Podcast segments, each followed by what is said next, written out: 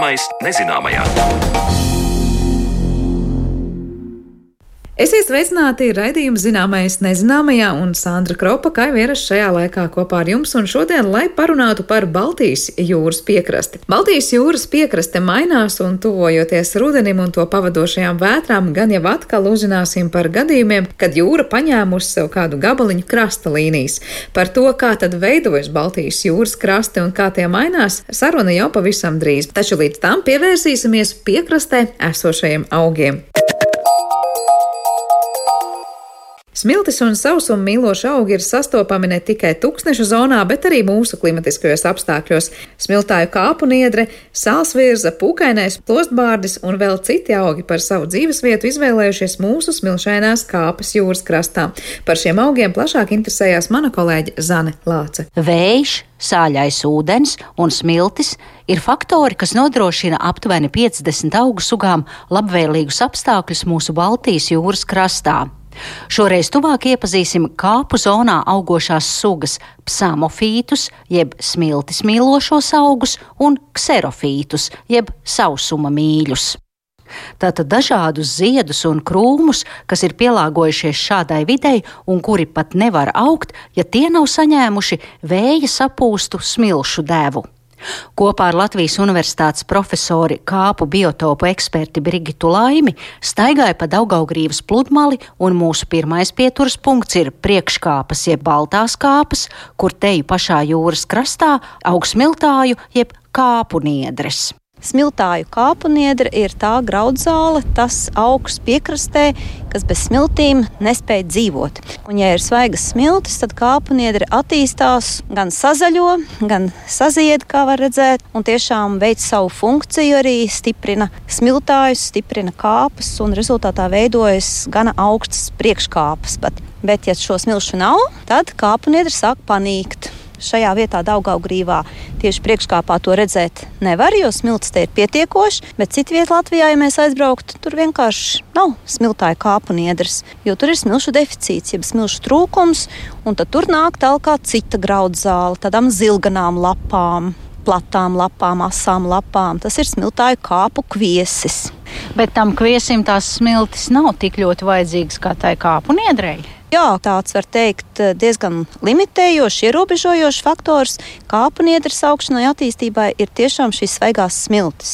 Jo tad tiek pārpūstas, sapūstas un labāk atjaunojas tieši sakņu sistēma, un augs var veidot jaunus dzinumus, un tie jaunie dzinumi, protams, ir spēcīgāki. Smilts te ir smilts, bet vējš un karstums vasarā Nu, tas ir tas, kas ir jāpārcieš, jāpārdzīvo. Ja mēs esam piekrastē, varam redzēt, lūk, kā kāpu niedrei lapa ir šaura un tāda kā ierotījusies. Un tā viena pusīte tāda blāva, mazliet rievaina, viena gludāka. Mm -hmm. un, uh, tas ir viens no pielāgojumiem nevien šim augam, arī citiem.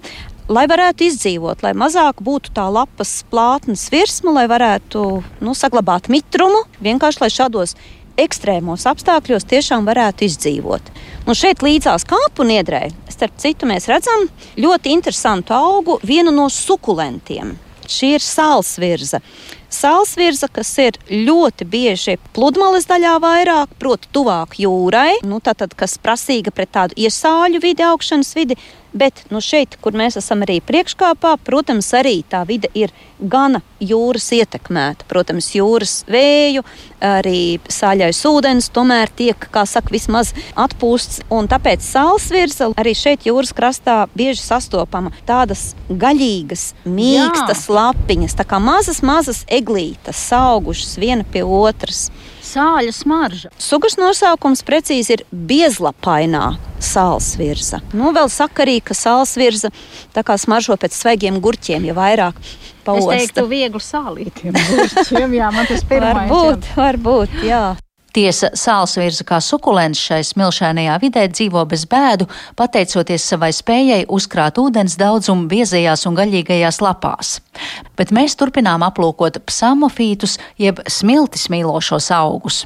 Lūk, šeit kāpu niedrē līdzās tādas sīkas, sīkas, sarveidīgas lapiņas. Šīs tā kā nu, kaķu zāle, jā. Jā, vai tikko izdīgus zālī. Tā ir viena no auzenēm, smiltāju auzene. Tiešām sarveidīgas lapas. Nu, būtībā tā plātne pat nevar redzēt, kur mm. viņa mhm. tāda tiešām kā seriņa.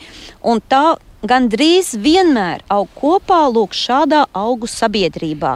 Ar ko tas ir izskaidrojams? Tātad cit citam būtībā dod to, ka stiprina to augšanas vietu, to māju vietu. Un uh, skaidrs, ka tai kāpuniedrei, lai nu vajag arī tās pārpūstās smilts, bet nu, ar mēru, protams, vajag arī zināmu stabilitāti. Un tad, nu, lūk, tā smiltāju auzene ir tā, kas ar daudziem, daudziem sakniņiem Mēs tikai redzam nu, tādu mazu daļu no šā auga, teikt, kas ir virs smiltīm. Ar daudziem sakniņiem stiprina tos smilšu graudus vienu pie otra. Tad, nu, lūk, rodas tāda stabilāka vide, un tajā var ieviesties arī smiltāju kāpu niedre, kurai jau ir lūk tādi lielāki sakniņi un aug jauni, tātad zinumi tais mezglu vietās. Tā kā tas ir ļoti, ļoti svarīgi, ka šie augi stiprina šīs smiltis.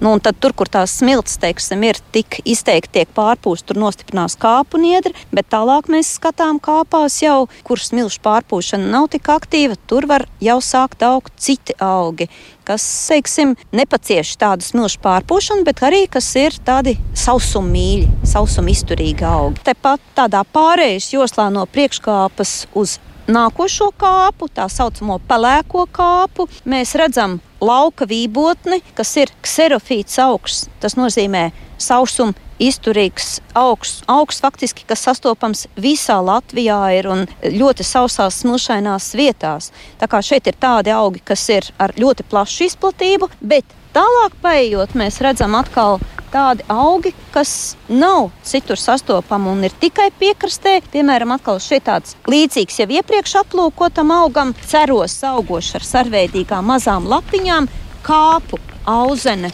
Šiem augiem savukārt ir raksturīga ļoti dziļa sakņu sistēma.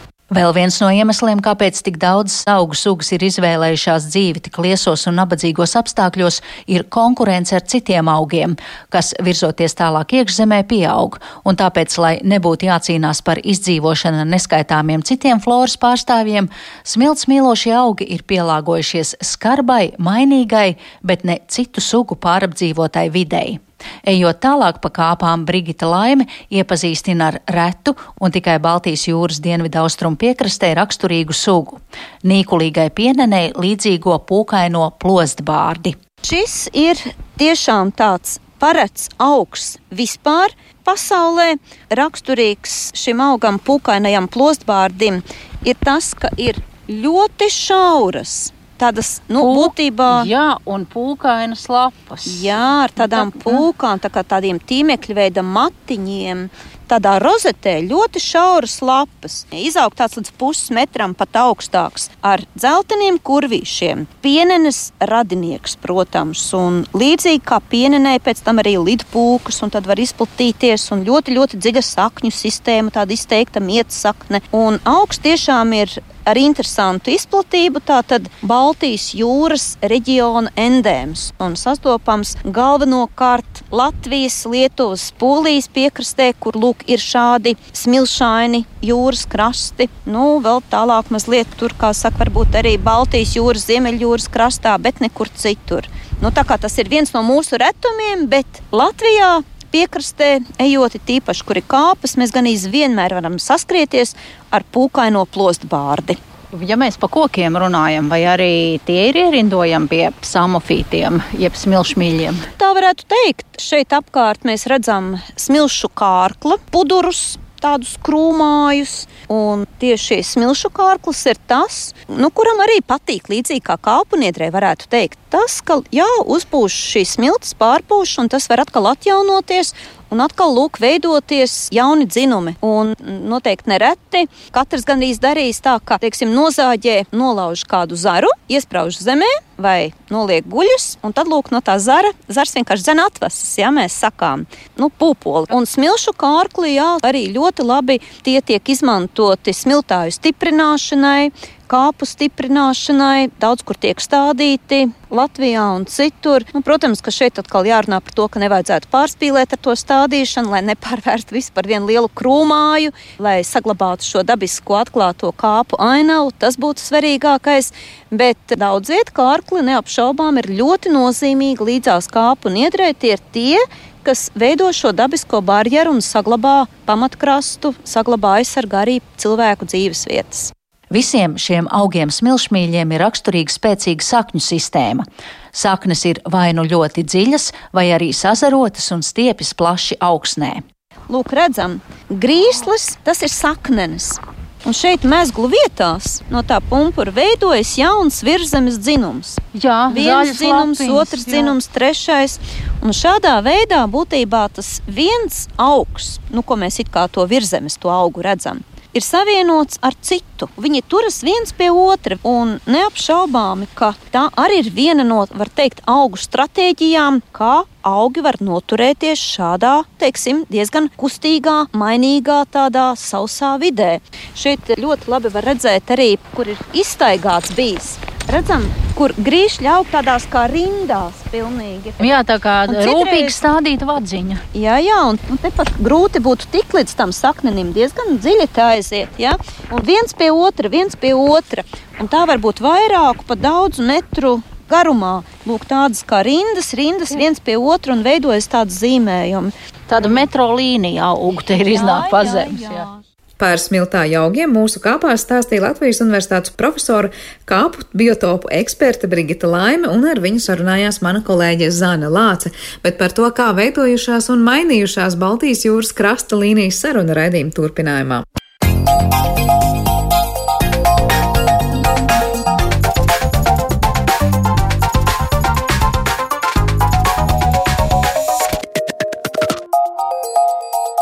Zināmais nezināmajā.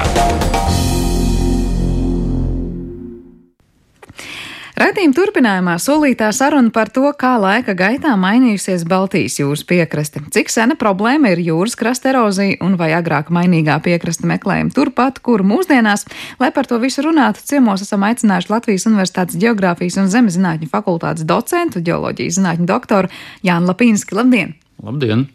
Uh, Cik tālu vispār mēs varam pagātnē ieskatīties un teikt, nu, tāda Baltijas jūras piekrasta, kādu to mēs redzam šobrīd, ir bijusi tur jau nu, cik gadus vai cik kādos nogriežņos mērāmās mm. vienībās? Jāsaka, tas ir atkarīgs no vietas tieši par kuru mēs interesējamies. Tā tad ir tādas vietas, kur patiešām var atrast dažādus krasta veidojumus, kuriem ir vairāk tūkstoši gadu, un kuri ir pat tādi, kas ir tikko, tikko pēc uzreiz eh, ledus laikmeta beigām radušies un, un joprojām saglabājušies, bet tādu vietu ir samērā maz. Vairumā gadījumu.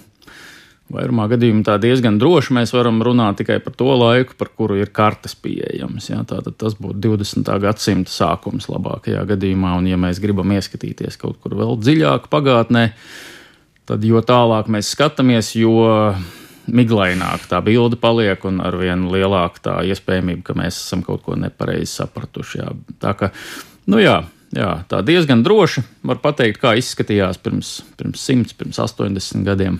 Uz visu jūras vēstures fona liekas, tāda nieka vienība vien ir. Protams, tas, tas patiešām nav, nav nekāds nozīmīgs laika nogrieznis. Jā. Bet nu, tas nenozīmē to, ka mēs nevaram izpētīt jūras vēsturi daudz senākajā kaut kādā laika posmā. Jā, jā, protams, tas patiesībā gandrīz viss. Kā varētu pateikt, labāk tas, ko ir vērts bijis, varbūt pētīt, tas jau ir noskaidrots jau 20. gadsimta vidū lielākā daļa par mūsu Baltijas jūras krastu vēsturi un arī par to, kā pati Baltijas jūra veidojās un, un attīstījās. Tas viss jau, jau tika izpētīts, un, un šobrīd varētu teikt, ka lielākoties mēs varam varbūt precizēt tos secinājumus, kas tika izdarīti toreiz, un varbūt kādas nelielas kļūdas pielabot, bet kopumā tā kopaina varētu teikt, ka viņa jau ir, ir skaidra labi sen.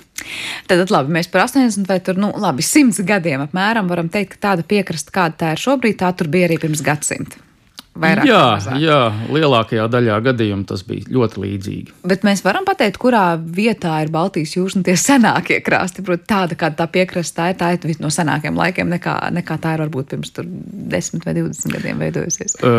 Tātad tādas krastu veidojumus, vai tas būtu jūras stāvkrasts, vai tie būtu varbūt kādi akumulatīvi smilšu vai grants sanesumi. Uh, var šur un tur Latvijas piekrastē atrast, un tie galvenokārt visi ir no Baltijas ledus ezera laika posma. Ja? Tātad vecākie tie, kas ir, tas ir pašas pleistocēna beigas, tie varētu būt kādi 11,000 gadu apmēram atpakaļ, uh, kad, uh, piemēram, kur zemes ziemeļos, ja, tad izveidojās šie slīteres zilie kalni, tā saucamie, visa šī stāvā nogāze, pa kuru var nokāpt lejā, ja, pa kāpnēm pie slīteres bāks, tas ir Baltijas ledus ezera stāvkrasts. Ja mēs tā iedomājamies, tad Baltijas ledus ezera laiks, tas ir cik tūkstoši gadu tas sen vēsture? 10, 11 10, tūkstoši. 11 tūkstoši gadu sen laiks. E, Šobrīd tas būtu tā kā tā ezera mala vai gultne, vai ko mēs tur redzam? Tā ir, tas ir krasts. Tātad tā ir vieta, kur tajā, tajā laikā atradās krasta līnija Baltijas, Baltijas ledus ezeram. Tātad Baltijas ledus ezers bija tāds saldūdens ūdens objekts, kurš atradās apmēram tajā vietā, kur ir Baltijas jūra. Taču lielākā daļa no ziemeļu jā, Baltijas jūras, piemēram, visas Botnijas līcis vēl joprojām bija zem ledus segas pilnībā. Savukārt liela daļa no Polijas ziemeļiem eh, bija, bija tātad, no tās piekrastes eh, krasta zemūdens daļas, kas šobrīd Polijā, piemēram, ir zemūdens nogāze, ja, tad tajā laikā bija uh, sauszeme. Tātad varētu teikt, ka visa šī Baltijas jūras bļoda bija tā pamatīgi sašķiepta un daļa bija zem ledus. Tātad viss izskatījās krietni savādāk nekā tagad.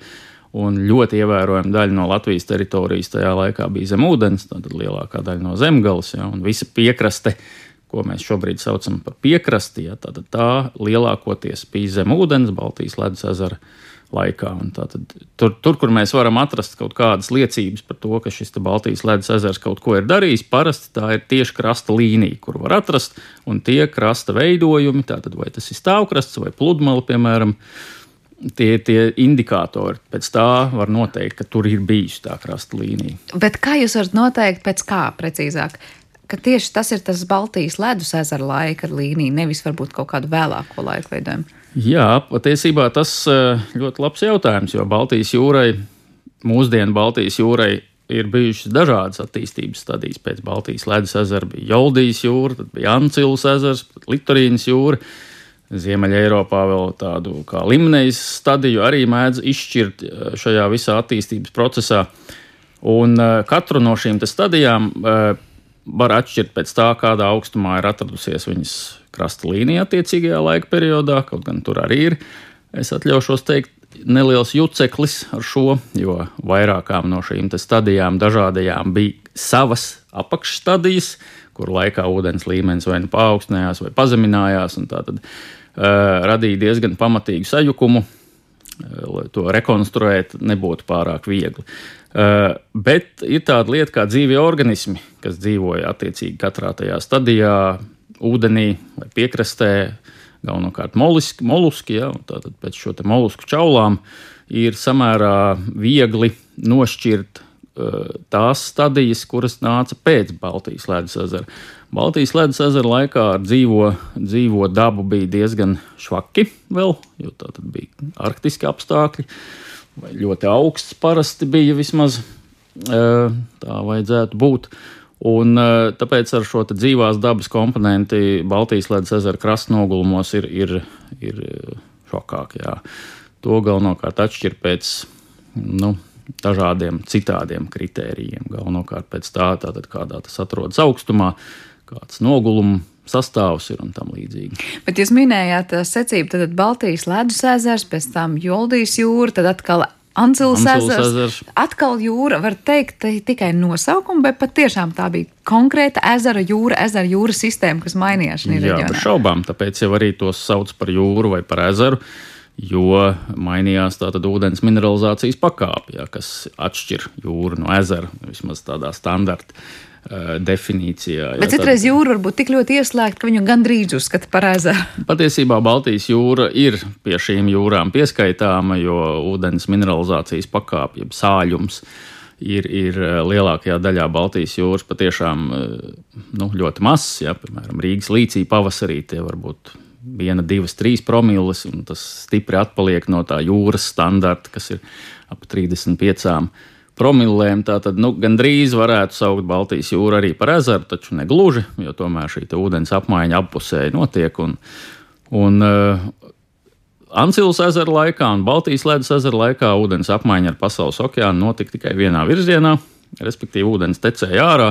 Bija kaut kādas vairākas tādas uh, lielas iztekas šim te, šai proto-Baltijas jūrai, no kuras tecēja ārā saldūdens un sāļš ūdens no pasaules okeāna nepienāca. Tāpēc ūdens bija ar ļoti zemu mineralizācijas pakāpi un, un nu, saldūdens. Jā, tāpēc ezers. Reikt upes nes ūdeni uz, jū, uz ezeru un ezers tālāk to deva jā, jā. jūrām. Patiesībā jau tieši tāpat kā tagad, vienīgā atšķirība mūsdienās ir tā, ka tomēr šie dāņu šaurumi ir pietiekami dziļi un plati un kaut kas no Ziemeļjūras tiek pie mums arī šad un tad bet parasti virziens ir straumes virziens ir ārā. Um, jūs minējāt par to pavasari, par to sāļumu, proti, ka tad nu, varbūt 1 līdz 30 promils varētu Jā, būt. Rīgas līcī. No līcī. Baltijas jūrā, protams, vairāk ir lielajā jūrā. Tālāk vasara rudens, tur tomēr ir atšķirības tajā, kā Jā, parasti, parasti pieaug. vasarā viņš pieaug, jo pavasarī to zemo mineralizācijas pakāpi nodrošina lielais upju upju pienestā ūdens, saldūdens daudzums. Ja, tāpēc tieši Rīgas līča virsotnē vai, pieņemsim, Pērnaus līcī ir, ir eh, dēļ upju pienestā saldūdens, mineralizācijas pakāpe pazeminās. Jā. Un vasarā mēs runājam par cik problēmu Rīgas līcī? 4, 5, 6. Tā kā salīdzinoši liels kāpums, jā, bet, protams, jā. par jūras eh, sāļiem runājot. Tas ir ļoti atkarīgs no vēja virziena, no patiešām gada laika, no tā teiksim, slāņa, no dziļuma, kurā mēs uz to skatāmies. Tātad tas, tas nav ļoti labs rādītājs. Bet tā kopumā, jā, varētu teikt, ka pavasarī ir viszemākā. Ja mēs runājam par pašu piekrasti, un tomēr tik ļoti dažādi, tā ir kaut vai Latvijas teritorijā, tad izteikti smilšainas pludmales, tad atkal kāda stāvkrasts, tad atkal ir izteikti akmeņaina piekraste. Ko tās visas ainavas mums stāsta par to Baltijas jūras dažādo veidošanās laiku vai, vai vēstures laika stadijām? Jā, neapšaubāmi ļoti liela daļa no tā, kā šobrīd izskatās piekrasta, kā izskatās pati krasta josla. Jā, tā, tā tieši vieta, kur šobrīd ūdens ar savu zemi satiekās un izkaujās šad un tad, uh, ir mantota. Vai pārmantot, varbūt būtu pareizāk teikt, no iepriekšējām Baltijas jūras attīstības stadijām, jo īpaši Litorīnas jūra ir jāpiemina šajā sakarā, jo Litorīnas jūras atstātās reljefa formas, joprojām Baltijas jūra, kā varētu teikt, turpina apstrādāt, un daudz vietā eh, tie saneši, tātad tā jūras krasta tieši joslas uh, materiāls, kas tur smilts, grants un tam līdzīgi, ko Litorīnas jūra piegādāja, tās joprojām tiek uh, dzenāts šurpu turpu, un no tā tiek veidots kaut kas jauns. Bet joprojām neapšaubām Litorīnas ietekme ir saskatāma daudz vietā. Ne visur, jo ir diezgan daudz šobrīd arī tādu vietu Baltijas jūras piekrastē, kur to, kā izskatās jūras krasts, patreizējais ir e, noteicis cilvēks, tātad saimnieciskās darbības, tādas vai citādas sekas ir, ir radījušas kaut kādas īpašas reliefa formas krastā, kas nav bijušas un kurām ar Litorīnas jūru tieši sakaru varbūt nav. Bet e, jā, daudz vietu, kur e, jūras krastus varētu saukt par dabiskiem vai dominējoši dabiskiem. Ja, tād, tādās vietās, kur tā cilvēka ietekme ir mazāka, tur Litorīnas jūras mantojums ir pats svarīgākais. Kas ir tie krasti, kas ir tie cilvēku radītās nu, vietas? Nu, cilvēks galvenokārt eh, ir iejaucies jūras krastu tajā līdzsvarā vai tajā status quo, kas pastāvēja vairākus tūkstošus gadu kopš Litorīnas jūra. Mm, nu, neteiksim, ka pārstāja eksistēt, bet kopš ir pieņemts uzskatīt, ka Litorīnas jūra kļuva par Baltijas jūru. Uh, tās ir ostas, neapšaubām. Tas ir pats galvenais, vismaz Baltijas jūras kontekstā un vismaz pagaidām. Ja mēs no visa šī nu, problēmu ranžējuma izņemam ārā uh, klimata pārmaiņas, pātrinātās klimata pārmaiņas, kuras Ļoti iespējams, ka nākotnē to pienesumu dos, dos ļoti ievērojami, bet pagaidām pagaidām tā pārliecinoši nevarētu teikt, ka tas ir ļoti, ļoti redzams. Ja? Tad šobrīd Ostas. sap, saprotu, ka ostas vairāk ir mainījušas krastus Baltijas jūrā nekā tās klimata izmaiņas, kas lai notiek tomēr. eh, Es atļautos tā, tā teikt, jā. Nevaru, nevaru ļoti cietus skaitļus parādīt, lai apstiprinātu šo savu apgalvojumu, taču tas varētu teikt, ir tāds mans minējums. Par ostām runājot, vairāk tas ir tās. Nezinu, tā gultne izņemtā tur ārā dažkārt padziļinātā, lai tie kuģi varētu pienākt vai jānāk. Kā, Arī- kas ir tie lielākie, nu, var teikt, tie zaudējumi, ko ostas rada? Tātad Baltijas jūras, it sevišķi Latvijā, vai teiksim tā, lielākajā daļā no Baltijas jūras austrumu piekrastes, ja mēs ņemam krasta posmu no kaut kādas Vācijas, Polijas robežas līdz Igaunijai. Apmēram šis krasta posms galvenokārt sastāv no irdeniem iežiem, tātad tur ir galvenokārt smilts, grants un tam līdzīgi. Nav cietu klinšainu iežu vai gandrīz nemaz nav. Un, uh, tas nozīmē, ka jūras viļņiem ir ļoti viegli, nepieciešams relatīvi neliels enerģijas daudzums, lai šo visu paceltu, mobilizētu, pārvietotu, veidot no jauna un atkal nojaukt un tā tālāk. Un šo visu krasta posmu pamatīgo saturu kopā eh, tāds viens fakts. eh, Valdošais vēja virziens mūsu reģionā nevis ar lielu pārsvaru, bet tomēr ir dienvidrietumu. Dienvidrietumu vai rietumu vai dienvidu. Tātad šajā, šajā spektrā kaut kur apmēram atrodas tas valdošais vēja virziens tajā reģionā, par kur es runāju - Polija, Lietuva, Latvija. Un tas nozīmē, ka, ja ir šāds vēja virziens, tad viļņi, smiltis vai jebko citu gar krastu dzīs uz ziemeļiem. Galvenokārt uz ziemeļiem, tātad vismaz tajā posmā, kas ir no Polijas līdz Kolksragam, vai nu, tā pilnīgi noteikti no Tarana raga, kas ir Kaļiņgradas apgabala stūris līdz Kolksragam, eh, notiks šī te saneša pārvietošanās nu, uz ziemeļiem galvenokārt, pateicoties valdošajam vēja virzienam.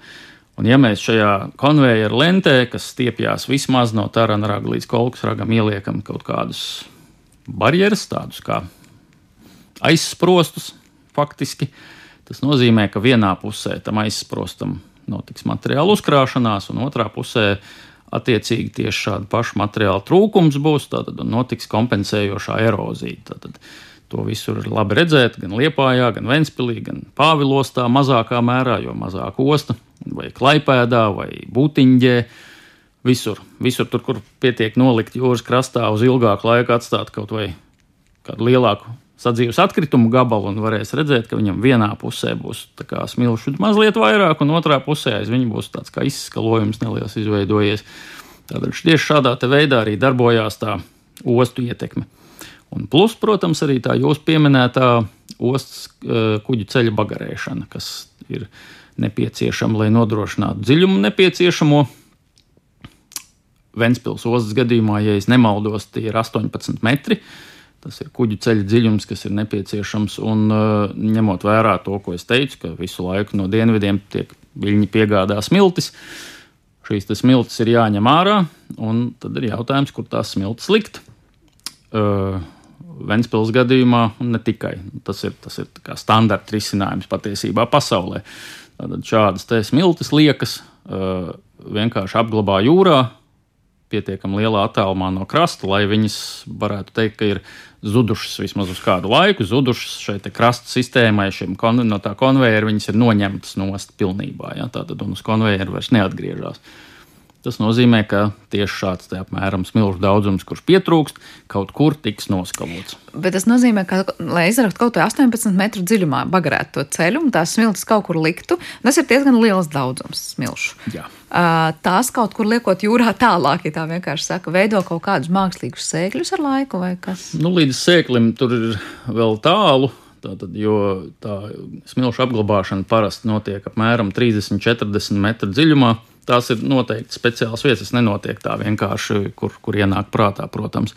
Bet, uh, lai izveidotu sēkli vai, vai savu tādā veidā, būtu nepieciešami daudzi simti gadu šādas prakses, un visu laiku tā apglabāšana būtu jāveic. Bet cik bieži veids tādu smilšu kalu padziļināšanu? Par to es nevaru pateikt, cik tas notiek bieži.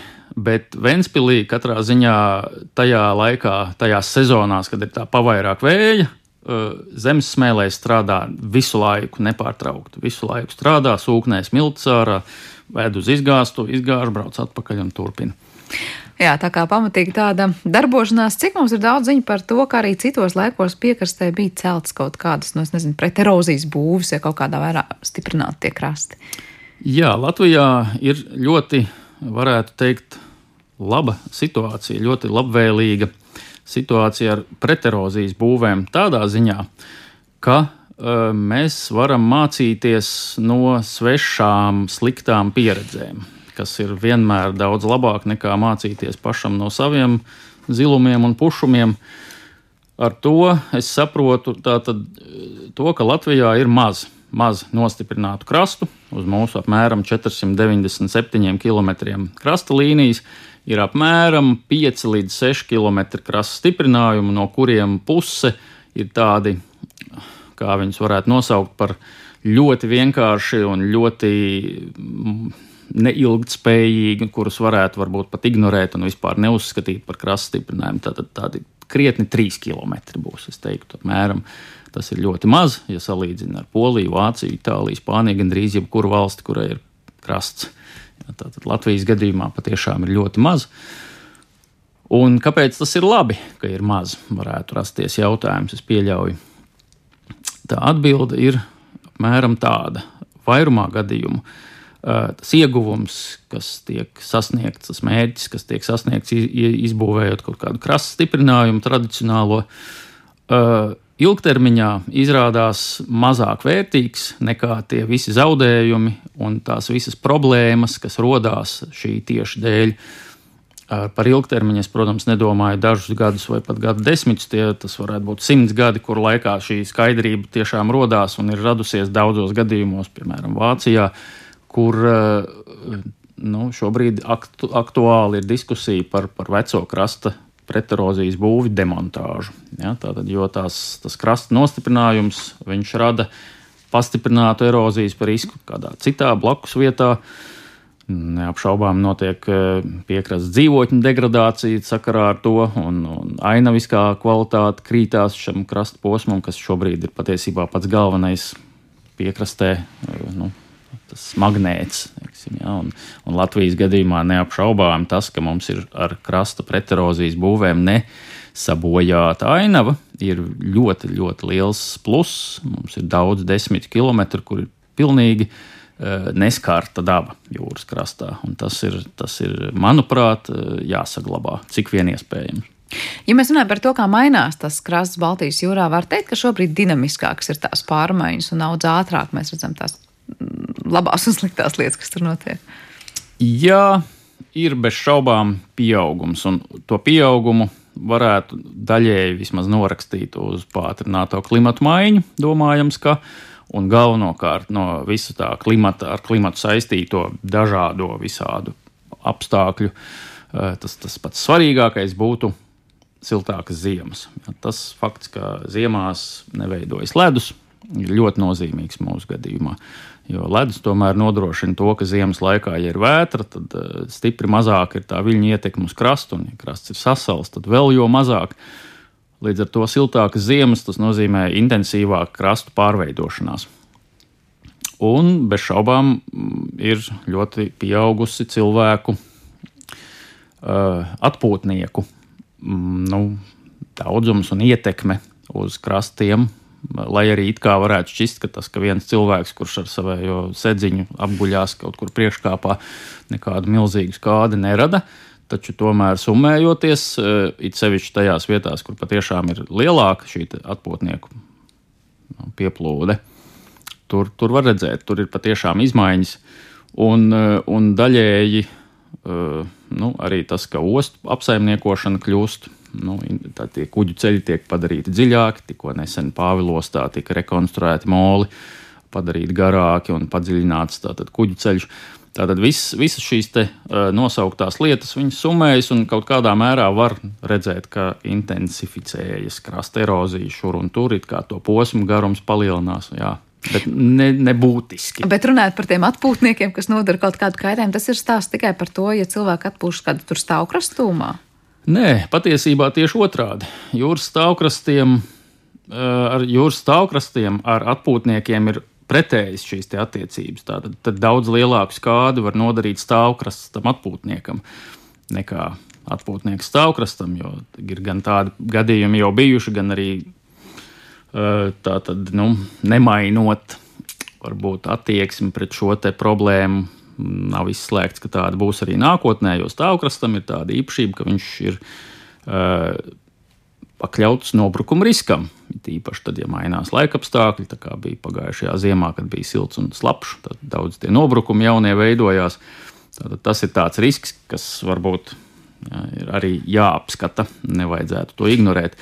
Bet uh, atpūtnieki var negatīvi ietekmēt krasta posmu tur, kur ir uh, šīs smilšainās plašās pludmales un primārā kāpa biotopi sastopami. Tātad tos var, var ietekmēt negatīvi, degradēt. Uh, ja ir tā slodze pārāk liela. Bet tas ir stāsts tieši par to augu valsti, kas tur atrodas. Jā, augu valsts no, no nedzīvās dabas ir nedalāma faktiski. Ja.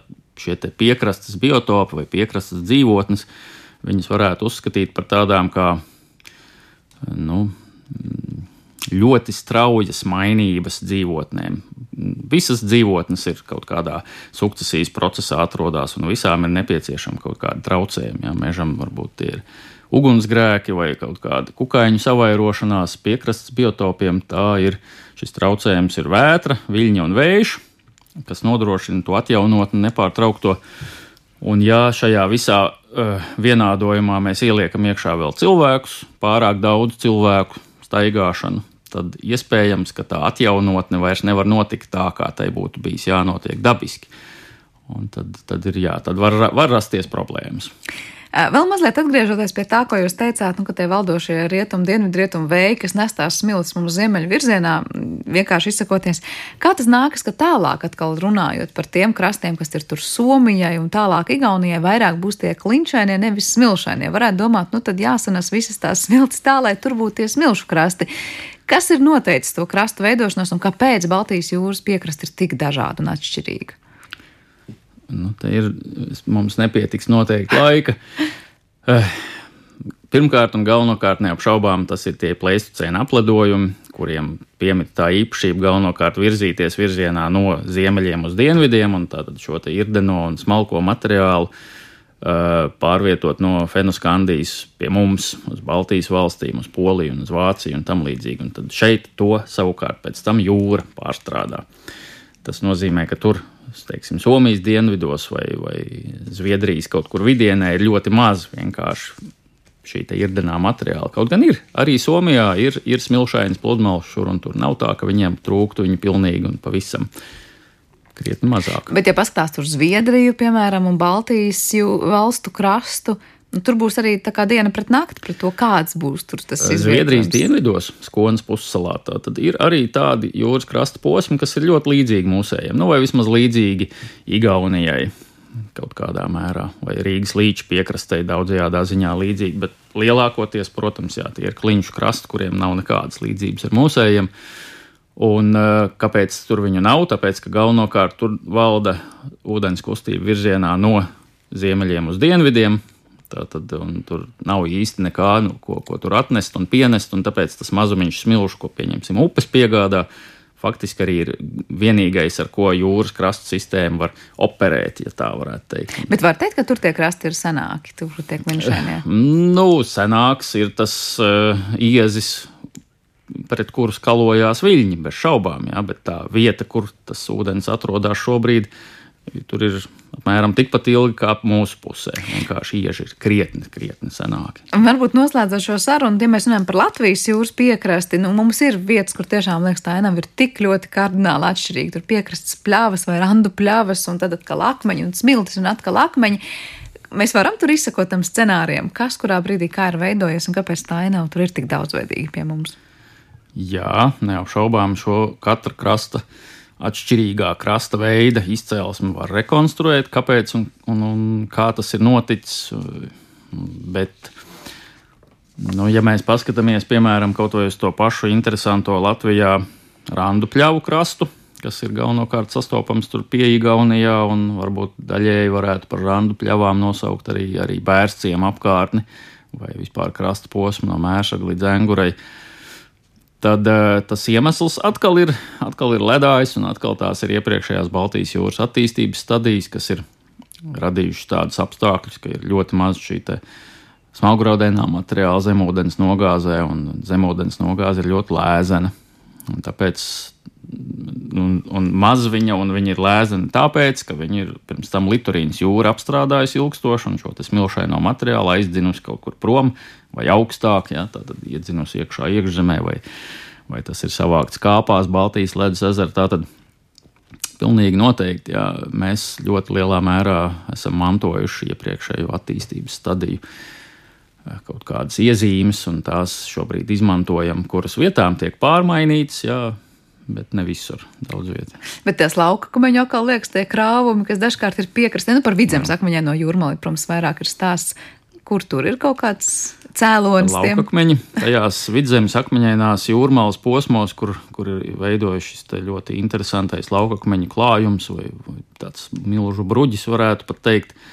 Tas ir viļņu kopdarbs, viļņiem iedarbojoties uz ledāja atstātajiem nogulumiem, galvenokārt uz tā saucamajiem uz morēnu, ja, kas sastāv no visa kā maisījuma.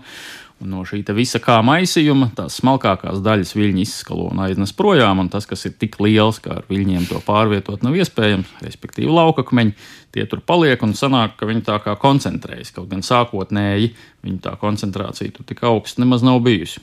Un plus neapšaubām tajās vietās ir palīdzējis arī ledus.